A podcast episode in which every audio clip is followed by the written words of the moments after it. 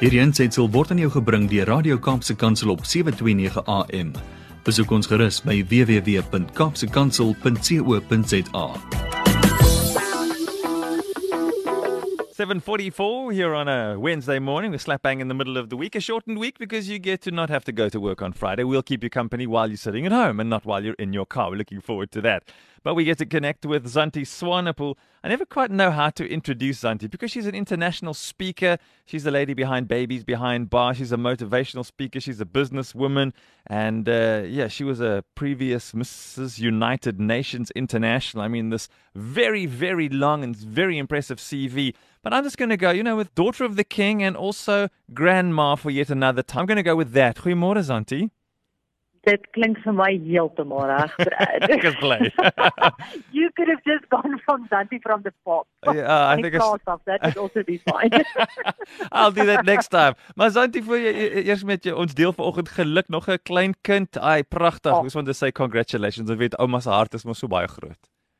oh, thank you so much. Ja, Brad, you Dis daar's nie woorde nie hoor vir how God can just bring so much joy and blessing in in difficult and challenging times. Ja. Nee, ek dink dit is ek het soveel respek vir ma's wat moet gaan babas kry en dokters wat in die omstandighede werk in in hierdie moeilike tye. Maar nie teenstaande, God is with all of those mommies that still have to go into labor and and bring forth a new generation. En dit was net weer vir my so merkwaardig gister Brad is Mm. mm. We really serve a generational God. En en jy weet as ons in ons eie generasie 'n klomp goeder stop en ons en ons sê vir die Here maar alles is syne en alles behoort aan hom en en ons gee ons hele familielyn tot in die duisendste geslag vir hom.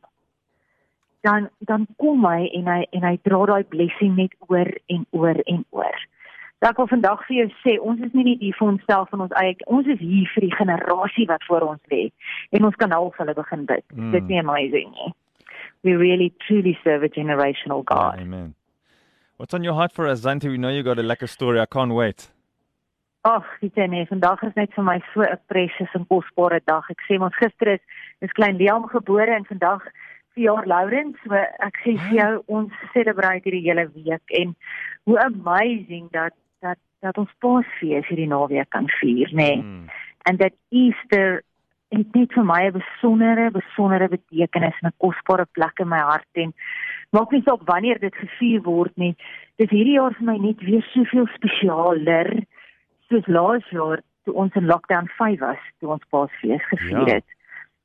Saam met ons families het ons hierdie jaar maar weer dieselfde situasie en dit is vir my so 'n 'n bonus want dit beteken ek en my familie en jy en jou familie en elkeen van ons kan in ons huis met mekaar wandel Mm. en regtig dit wat die Here vir ons kom doen het kom vier en kom dankie sê en ek wil vandag vir jou bless deur jou storie te vertel uit die Joodse tradisie en mag dit jou hierdie naweek bless jy sien want nagmaal is vir my kosbaar maar is vir my veral kosbaar oor Paasnaweek Mm. Easter weekend communion is just on another level vir my. En as ek in my Bybel lees in 1 Korintiërs 11 vers 26, dan staan daar geskryf: For as often as you eat this bread and drink the cup, you will proclaim the Lord's death until he comes. Amen. Verstaan ons wat dit beteken en verstaan ons regtig wat metafories hierdie naweek of of of ons vier dit hierdie naweek, maar wat gebeur het oor daai verskriklike sleg, Mm. maar ongelooflike great naweek wat vir my en vir jou 'n ewigheidsverskil maak, 'n ewigheidsverskil. En die storie met wat ek jou wil deel vir oggend is dat in die Joodse tradisie eintlik het die het, het God ons so lank terug al kom voorberei vir dit wat hy sou kom doen het. Mm. Eintlik was dit deel van geskiedenis lankal. Maar ek wil vandag 'n Joodse tradisie by dit wat ons vier hierdie naweek bymekaar uitbring en mag dit jou bless soos wat dit my gebless het. Mm. Because you see, Brad, when a Jewish boy falls in love with a Jewish girl, back in the day, he had to ask her father for permission to marry her. So he would go to the father and and and ask for a hand. And sometimes it was arranged marriages. So he didn't. He he just knew that this was the goal for him, and he went to the dad and and then they sat and and they decided on a price. So the dad would say, you know what, this is my only daughter, or this is my youngest daughter, my oldest daughter, my middle daughter, and they would negotiate, and they would get to a price say of twelve camels. Mm. So you can marry my daughter, but it'll cost you twelve camels. and then this boy had to decide: is he going to do this? Is he going to pay this price for her? And it might take him a while as well. If he'd made that decision, they would have dinner. And it's a beautiful setting where they sit around this beautiful table, a dinner table. And there would be glasses in front of everybody on the table, and the father would pour the wine into the glass. And if that young boy is on the table and the father pours the, the wine into the, the young lady's cup, she knows what is happening here. She knows that he, her hand has been asked, and she knows that the price has been negotiated. Mm. But isn't it beautiful that she still has a choice? She has a free will in this whole situation. Mm. And when her dad pours the wine into her cup and she picks it up and she drinks it, it means that she accepts the proposal. wow and she is willing to marry this young man. And if she does not, she does not drink the cup. And that is also then communicated. And, and the rest is then done. But when she drinks that cup, can you imagine the joy at that table? Because yes. everybody knows that she has now accepted the proposal. From that day, she wears a veil. From that day. She wears a beautiful veil, and everybody in the town knows that she has been bought for a price. From that night, her lamp next to her bed is always on, and she is fully packed to join her bride or her, her, her Alman. Mm.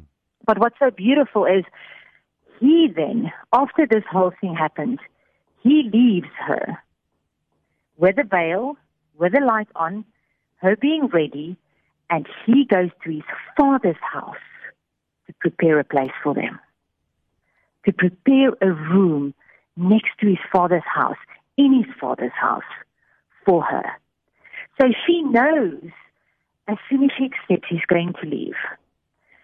But he is preparing a place for her, and he will come and fetch her. She knows that it's a promise. Beautiful. Her light is on day and night. And then the, he communicates with her through his bridegroom. So he will send her messages and she will send messages back and they will have this relationship, but via, via the, the bridegroom. Mm. And one day, and how precious is this, that this man that wants to marry this young lady goes to his father house, father's house and prepares this room. But he doesn't decide when it's ready. He has no say in that. His father inspects it every day. And one day, his father looks at everything and he decides that this is now good enough mm. for his bride. And the father tells his son, You can now go and fetch your bride. And it's so beautiful if it's said that when he comes into town, the trumpets blow and she hears the trumpets. And she grabs everything she has because remember, she's ready. Mm. And everybody knows she's bought by her for a price. And then she walks down the aisle and he takes her home to live with him forever. And that is, that is how the, the, the traditional story went in a Jewish house. And isn't it beautiful that over Easter weekend, mm. that is exactly how God has prepared this for us as well. Because on this weekend, when we celebrate and we, we rethink what Jesus did, we must remember that Jesus saw us and he loved us as his bride. Mm. He yearned for us as his bride, but he knew that we were completely lost. And he went to Father God and he said, I want to negotiate because I want my bride and Father God said, This is going to take a price. Mm. And he said, I'll pay the price. I'll give my whole life, everything I have. I will give my blood for my bride. And from that day, me and you who have accepted him, who have sat around that table, and isn't it precious that before Jesus was crucified, he had communion with his disciples. And it was the first time ever that they took the cup and they drank. Yeah. Because the normal Passover meal, the rabbi just lifted the cup. And for the first time, they all understood, and Jesus understood what was happening when they took the cup and they drank. Because when they did that, they said, Yes, I accept. And Jesus then paid the full price. And from that day, each one of when we take the cup and we drink and we say, Yes, I am the bride, from that day we wear a veil. Mm. And in the darkest kingdoms, it can be seen that we were bought for a price. And your light and my light should shine every day, and we should be ready because our husband mm.